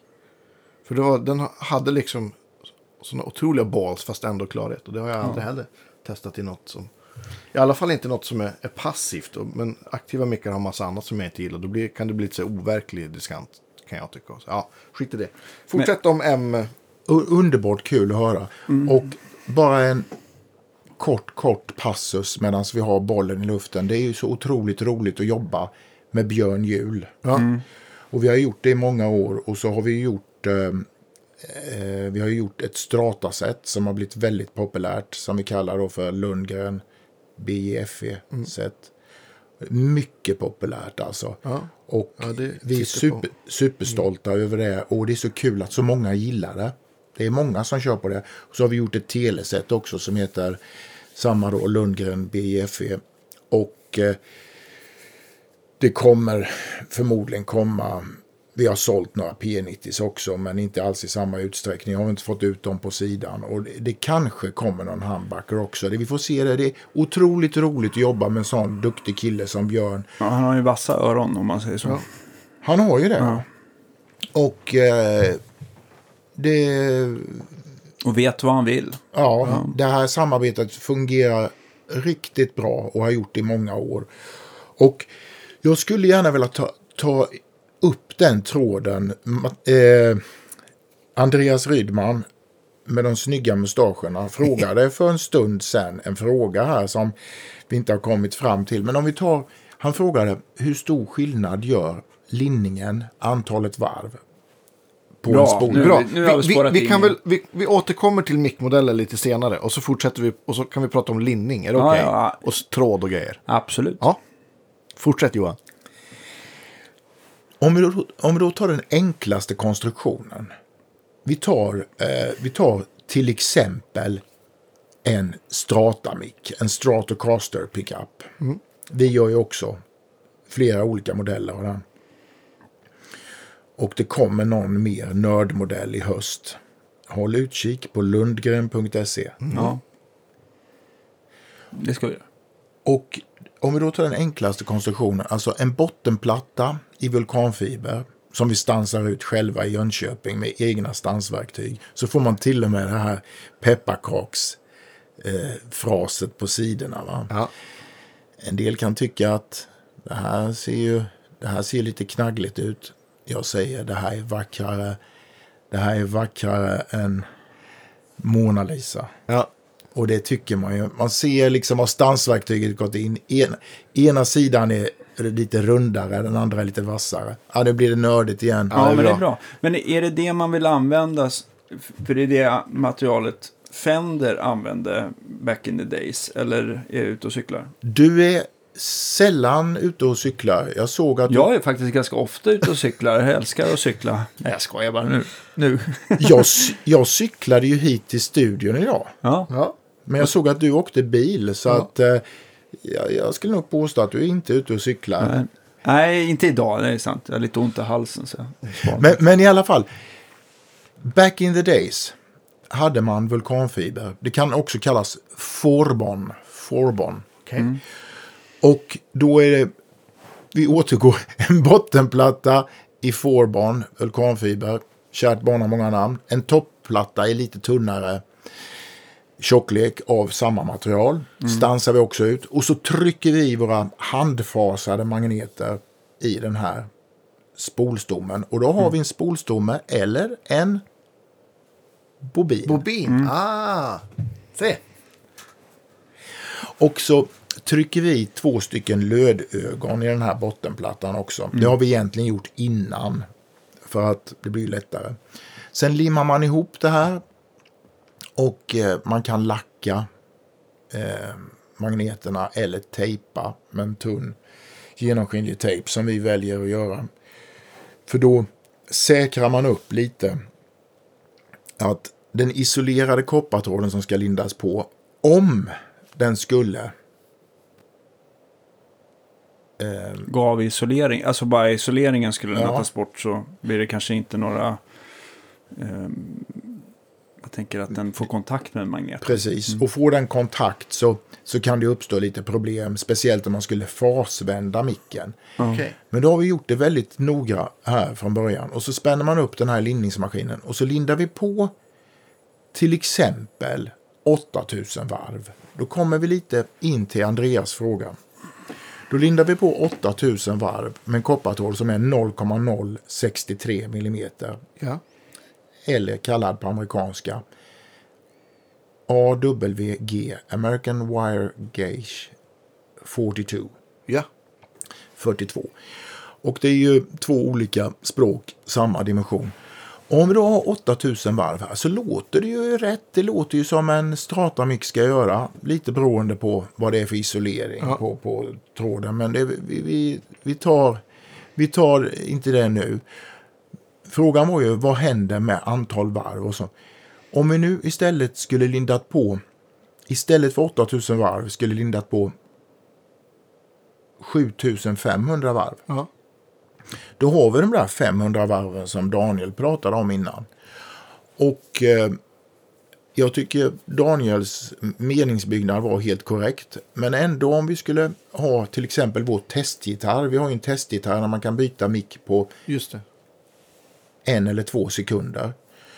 Vi har ju ganska kort ljudminne. Skulle vi då köra in den här micken och då ska vi ha samma position. Vi tar till exempel den mer ovanliga mittpositionen. Men den är underskattad. En mycket bra position. Älskan. Ja. Mycket bra position.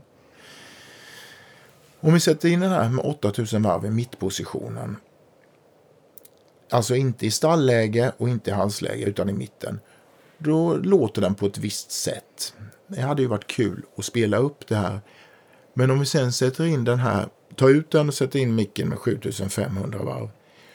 Eh, Många av er lyssnare vet redan vad som händer. Då är det lite mindre utsignal, lite mindre output i denna med färre varv.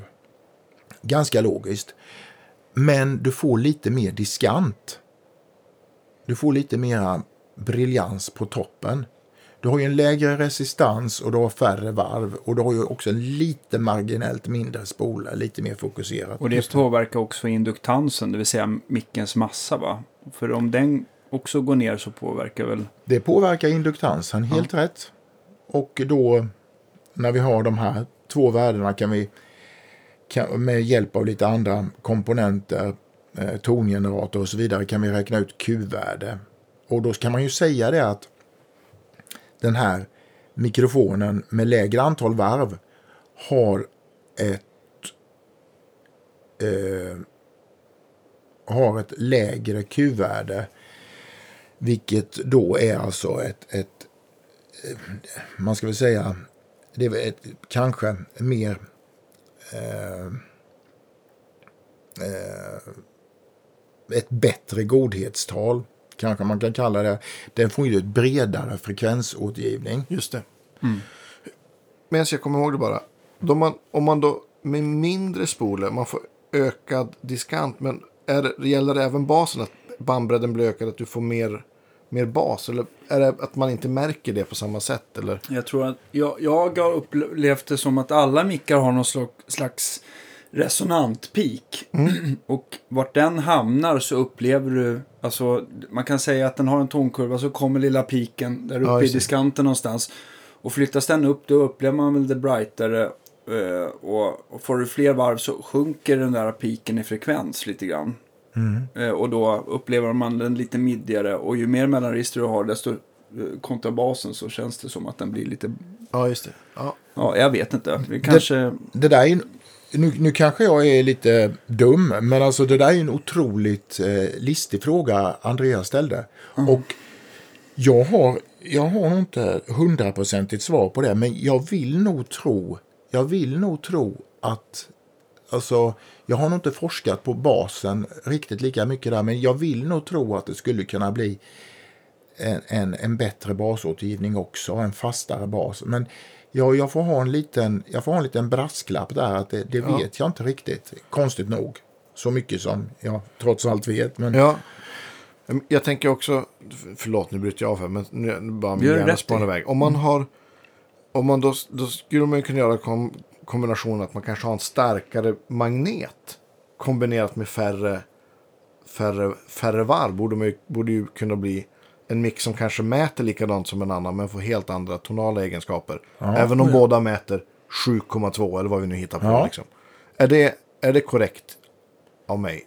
ja, Ja. det, det tycker jag nog. Det tycker jag nog att eh, det tycker jag nog för att eh, sätter du i, det är helt rätt, sätter du i en större magnet i, i en, eh, i en pickup så får du ju en mer effektiv en mer effektiv eh, pickup. Ja. Det stämmer. Och sen, du får mer output. Men sen, är ju, sen kommer ju nästa fråga. Är ljudet behagligt eh, för dig? Eller Ja. för, för hen? Ja. Det är ju det som är en smaksak. Det är ju inte alltid mer är bättre. Men det, det, din teori stämmer ju bra. Där. Jag, upplever ibland att starkare magneter, så, liksom om man tittar på Malnico 8 och även det som också finns till många distmickar, keramiska magneter.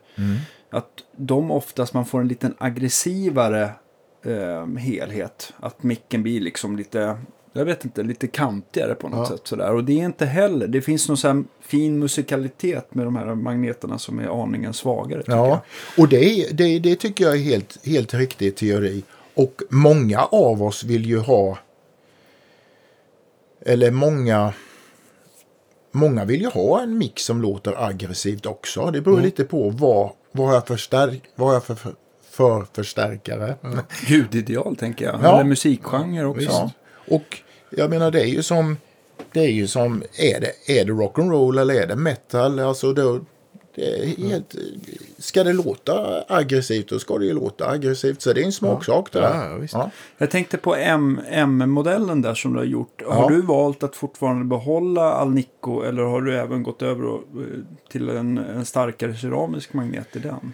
Nej men det är så här faktiskt att det var något litet missförstånd. För det var nog bara då på någon prototyp på M där. Alltså på M.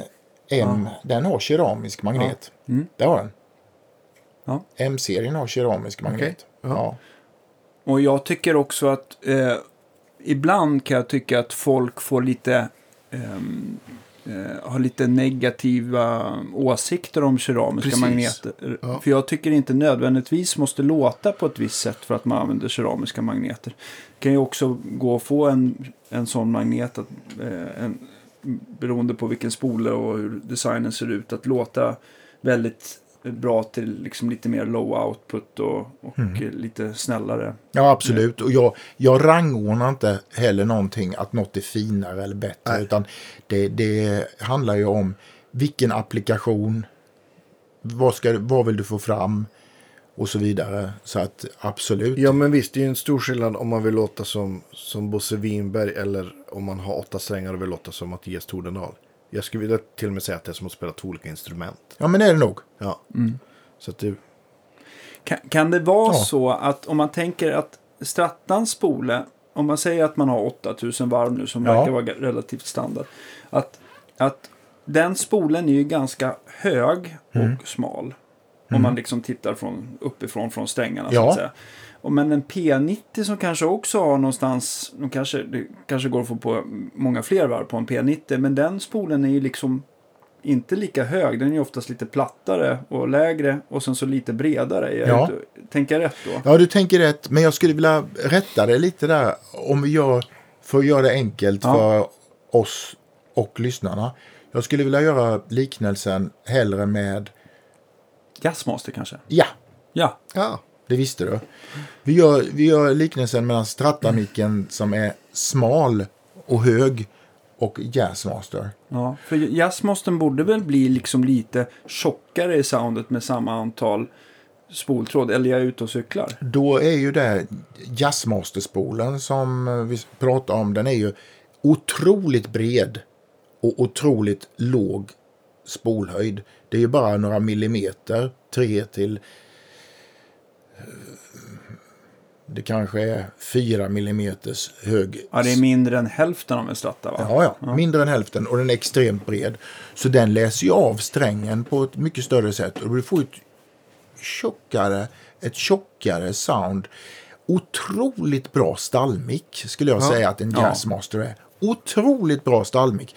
Kanske mer spännande än en Strata faktiskt egentligen. Den låter inte lika smalt liksom. man kanske ska ha en, Men jazzmaster men alltså, på en Strata. Men jazzmastern, alltså varför den inte har blivit lika populärt, det har jag nog, tror jag, generellt sett bara med stallet att göra. Det är en väldigt snygg gitarr, men just Ja. att man, den, den kräver inte mycket, om man tittar nu på de gamla originalen, Mm. hur de var justerade, så, så, så, så är man någorlunda hårdhänt med sin plektrumföring, då, då spelar man ju ofta strängen ur position. Ja, det, det är tydligen, ja. det är tydligen ett stort fel, konstruktionsfel har jag förstått. Och sen är det en annan grej som är lite konstig med Jazzmastern. Där de ju satt på, åtminstone förr så hade de ju istället för 250 kilos pottar eller 500 kilos pottar till ton och volym så hade de ju en meg. Jaha, okej. Ja, det gör ju stor skillnad. också. Ja. Eh, Kan man säga någonting kort om man, Tusen- man, om man liksom tusen. byter från 1000 kiloam till 250? ja, Vad blir, vad, vad blir, i en stratta eller en jazzmaster, vad, vad, vad blir resultatet? Mycket kort kan vi ju säga det att du släpper ju, ju högre värde på potten du har, ju mer diskant släpper du igenom. Men bromsar mindre. Ja, Ja. Och, och eh, då är det ju så att det finns ju massor med diskant i en Stratamic. Så, och det här svepet, eh, det här svepet påverkar också hur, hur spolen eh, hur, hur eh, hög impedans spolen har. Och då har man ju kommit fram till att 250 är ganska bra svep för en Strata single coil. Just det. Där har vi svepet och sen har vi även att den dämpar lite diskant 250. Så byter du till en 500 kanske du kan få lite sämre svep faktiskt. Eh, och mer sen- diskant. Exakt, mer diskant. Och går vi då upp till en meg, givetvis ännu mer diskant. Men kanske ett lite konstigare svep. Och sen beror det ju på om du använder logaritmiskt eller, eller linjära pottar. Och där finns det ju massa olika idéer. Men om vi skulle ta det lite kort där. Eh, så så med, med diskantåtergivning fick vi ju ett snabbt och koncist svar. Och så är det ju. Sen så... Ja. Men jag tänkte också på, det är väl inte riktigt så enkelt heller att man tar en 500 kiloohmspott och bara vrider ner den så att den, att, att den mäter mellan terminal 2 och 3 250 kiloohm heller. Att det blir exakt samma ljud som en, en 250 kiloohmspott på max. Är du med hur jag tänker? ja, jag är med. Hur du... För det är väl egentligen, det är väl egentligen två, vad ska man säga, det är väl som två eh, svepbara motstånd i en potentiometer. Jag är precis med hur, hur, hur du... Men jag vet inte hur jag ska förklara det. Ja, men det, det vet inte jag heller. För att, eh, men eh, drar du ner...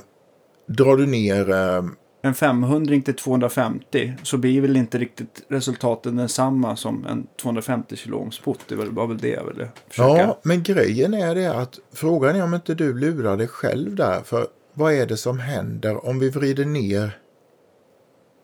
Jag får mig att Eller- det blir mer diskantbortfall Eller lurar, jag, eller lurar jag mig själv? Alltså, det blir ju absolut... Ja, nej, vi får nästan koppla upp mätinstrumenten och se vad som händer. Det är Mm. nog som du säger först att det går ner motståndet. Sen, sen ökar det nog, vill jag minnas, när man kommer ner över ett läge att If, nej, jag, jag, jag vet inte om jag... Jag, jag, har, jag har redan bestämt här utan att ni vet att vi måste köra en del två. Där kan vi testa det här. Och sen Ja. måste du ha med din testgitarr. Ja, jag, jag, för, kan- ja. jag har för mig att Jul har pratat lite mer om det där också. Ja. Men en sak man kan göra om man liksom har sin stratta och bara nu har jag bara min 500 kilo ohmsput så kan man ju faktiskt lägga från signal till jord ett, 500, ki- ett fast 500 kilo motstånd så blir putten som en 250. Okej. Ja.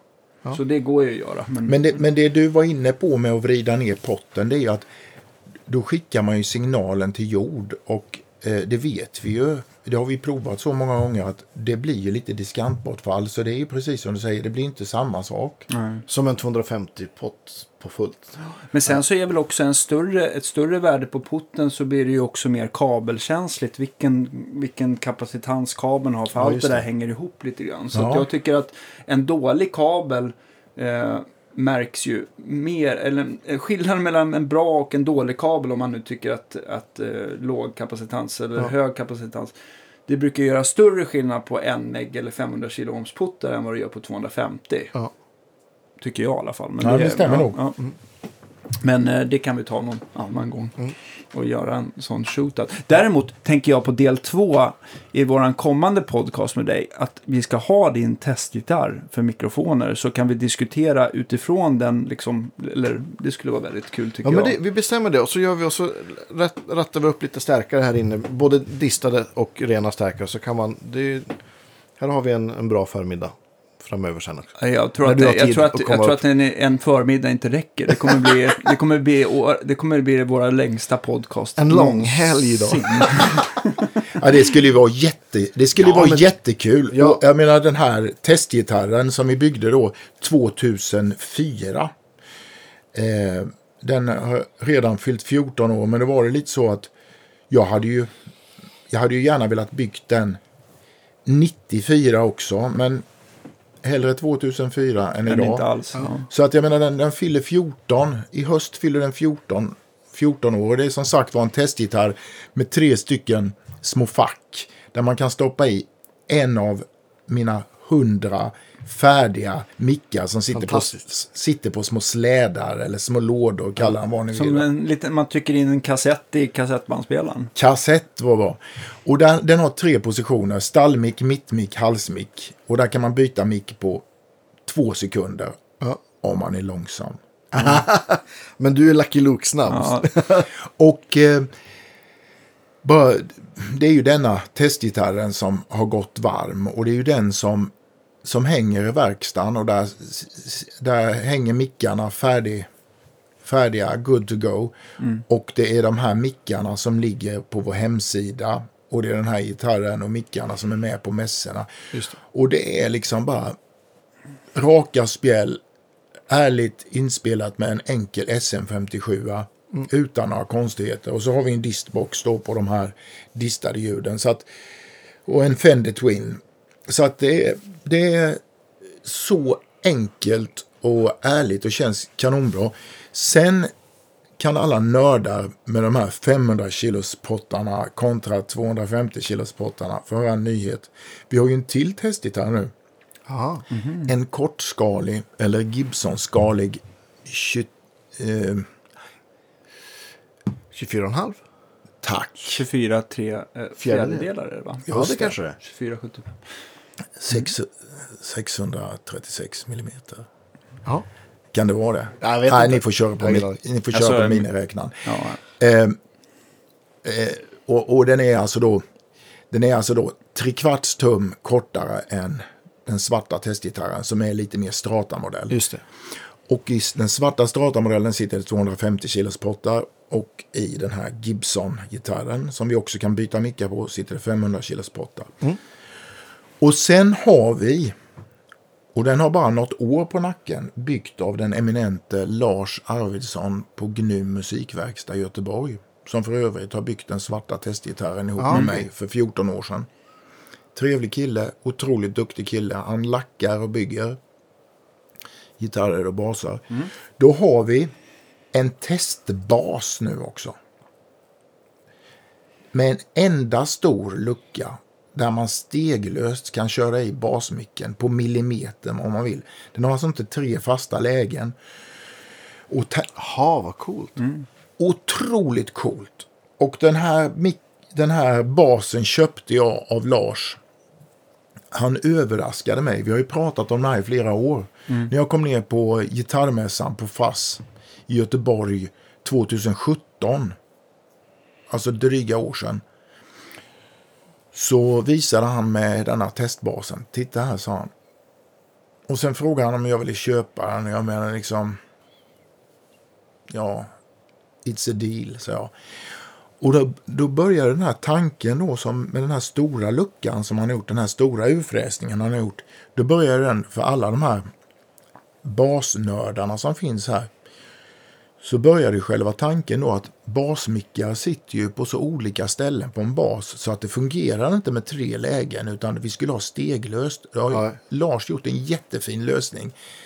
En en, en i sidledes bajonettfattning eller vad vi ska kalla det.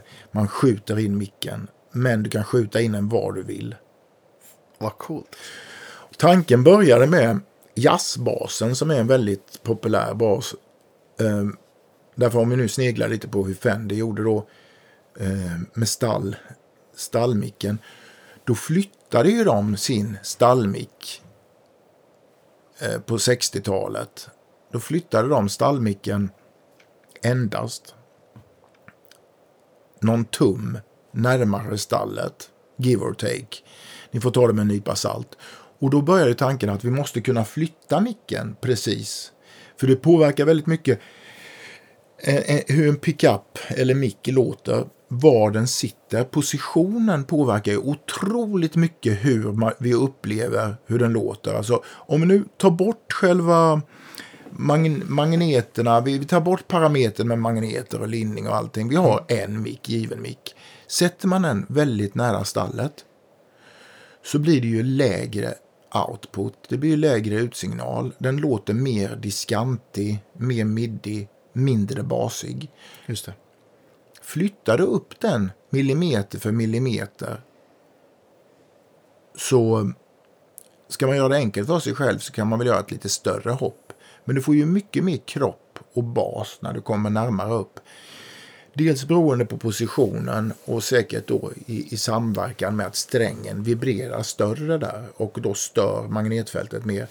Så att positionen, pickupens position är ju otroligt viktig. Och den här testbasen är ju otroligt kul och då måste jag nämna det att vi har uppfunnit en ny eh, baspickup i samarbete med finska Tom Stenback som jag har samarbetat med hur länge som helst. Det kan vara i Vilket eh, fabrikat eh, ligger han bakom? Det kan vara 12 år eller någonting. Han ligger bakom sitt eget fabrikat eh, Stenback Bases. Okej. Tom Stenback Bases.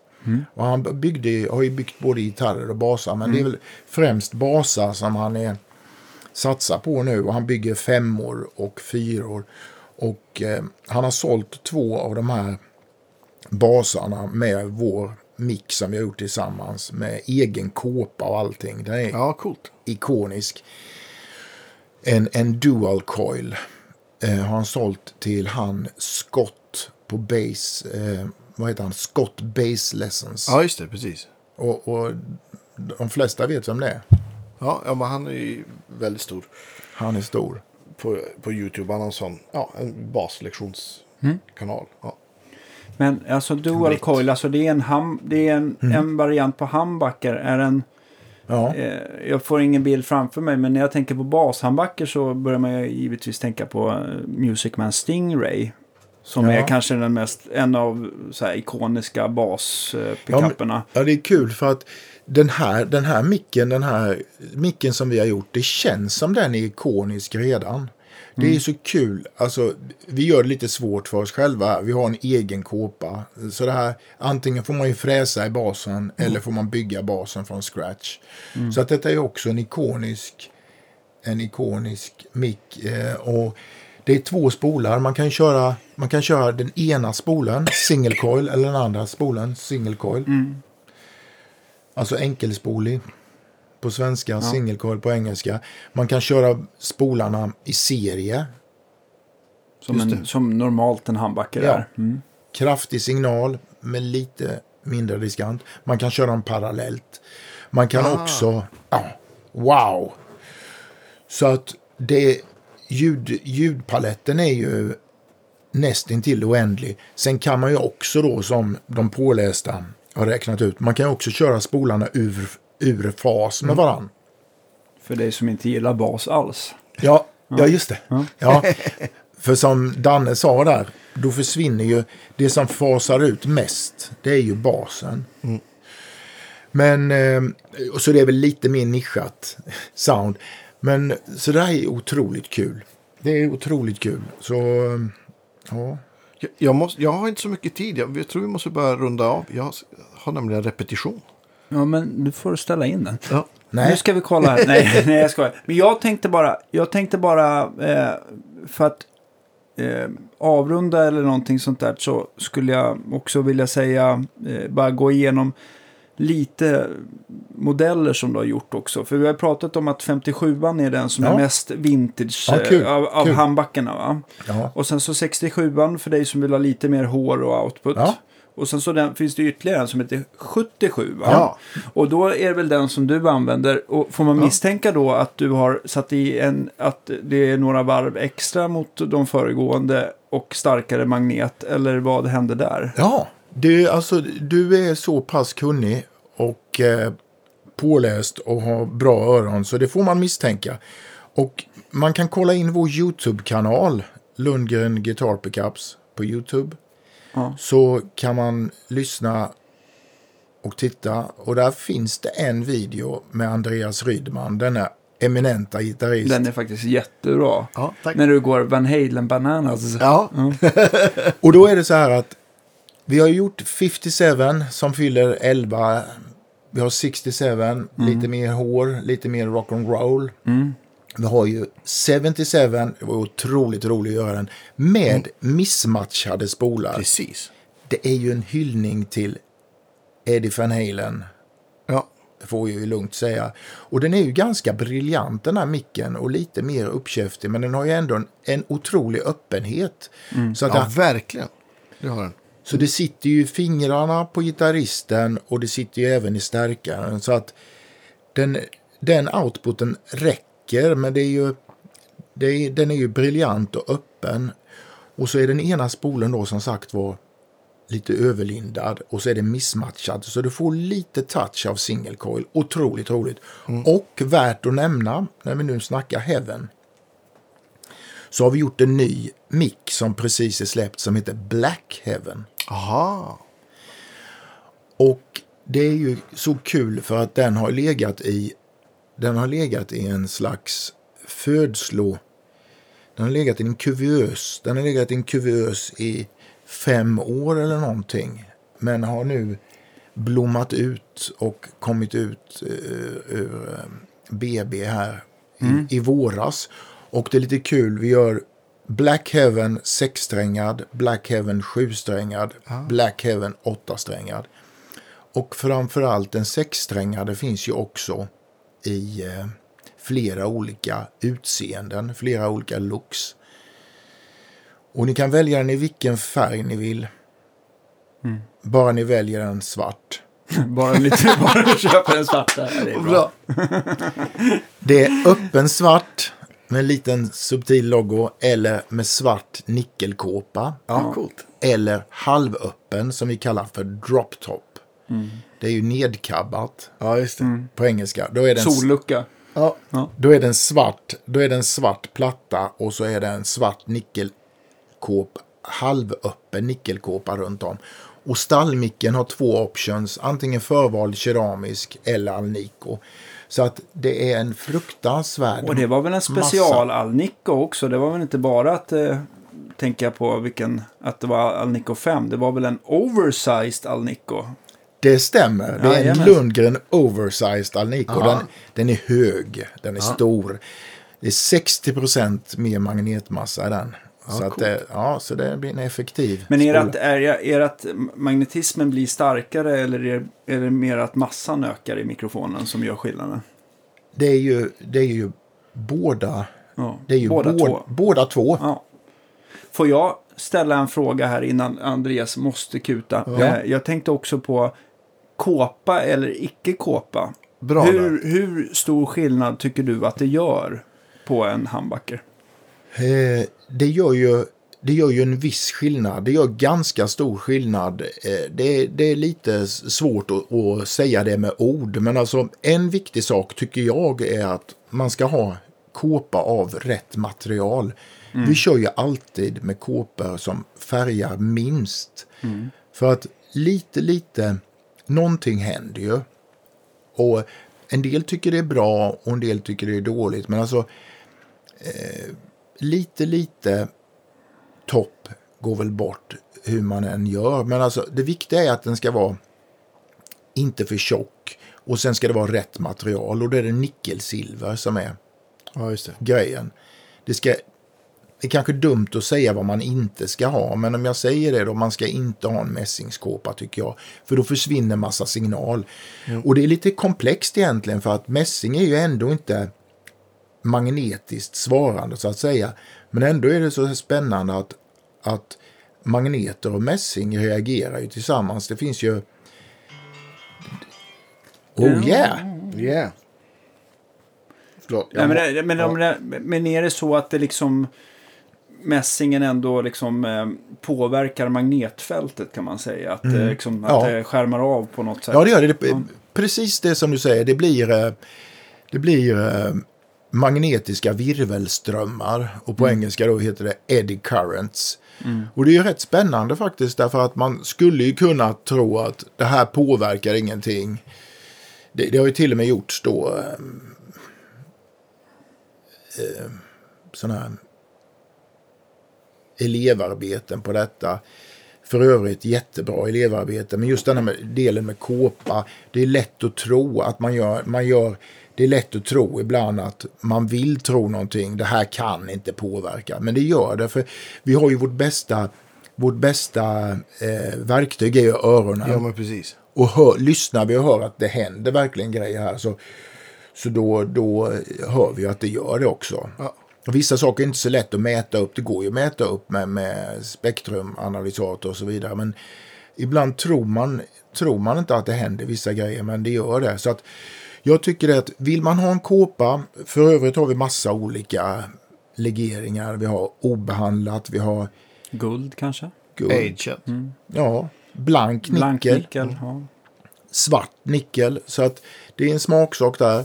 Men det ska vara med rätt material och det får man när man köper av Lundgren Guitar Pickups. Är Nu måste reklam. jag lägga ner mina damer och herrar. Glöm det, nu ska jag fråga. Nej, men vi får ta, vi får Ja, ta vi- det i vi- nästa podcast. Vi har, vi, har, vi har så mycket att prata om så att vi har, det är definitivt en del två. På Ja, här. precis. Och jag tycker att det finns ju så många mer modeller som du har Ja, som eh, finns anledning att Ja. eh, prata mer om. Det är, Vi Ja. tar vid Ja, där nästa gång helt enkelt. Ja. Stort tack för Lycka, idag. lycka till på repet. Ja, tack. det är så kul. Vem ska du repa med? Jag ska repa med, med Vivian och band. Nej, men hon får vänta, hon förstår. Det är jag Nu som ska har jag- nyckeln, Nej. vet du. Står alla och hoppar Jag utanför. skojar. Ja. Härligt. Ja. Det är så kul. Det är så kul att få kommit hit och vara här. Vi har Ja. pratat om det länge och det är Ja. så roligt att vara här. Jättekul. Tack. Ja, Vi ses och hörs snart. Ja. Nästa torsdag till exempel. det gör vi garanterat. Ja. Ha det så bra. Hej.